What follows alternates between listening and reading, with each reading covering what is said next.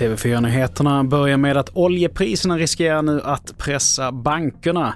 För det är inte enbart EUs sanktioner som höjer priserna menar experter, utan även efterfrågan på olja. Och vi har sett det att Kina och Indien har eh, i allt högre utsträckning köpt eh, numera rekordmängder av rysk olja eftersom övriga världen inte vill, vill eh, ha den. Ehm, och ehm, det grundläggande problemet är att världen som helhet efterfrågar förmodligen snart mer olja än vad den någonsin har, har gjort tidigare.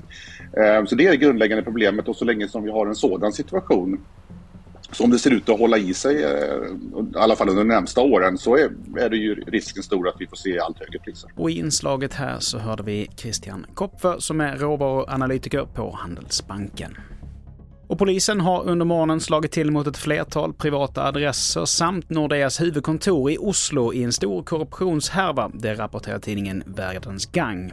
Det handlar om en misstanke om korruption och lånebedrägerier för över 150 miljoner norska kronor och man har gripit fem personer varav två av dem är anställda hos Nordea.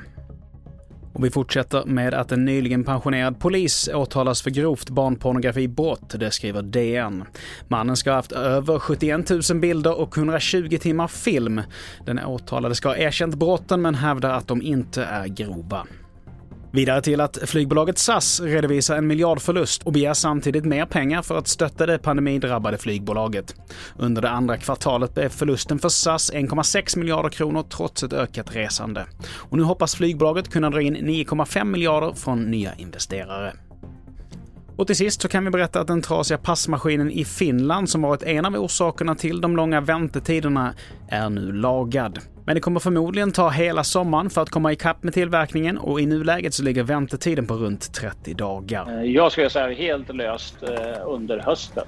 Det är den prognosen vi har egentligen. Då ska alla kunna ha fått sina resehandlingar i alla typer av former. Eh, men först under hösten helt enkelt. Och här hörde vi Per Engström som är kommenderingschef på NOA. Fler nyheter hittar du på tv4.se. Jag heter Mattias Nordgren.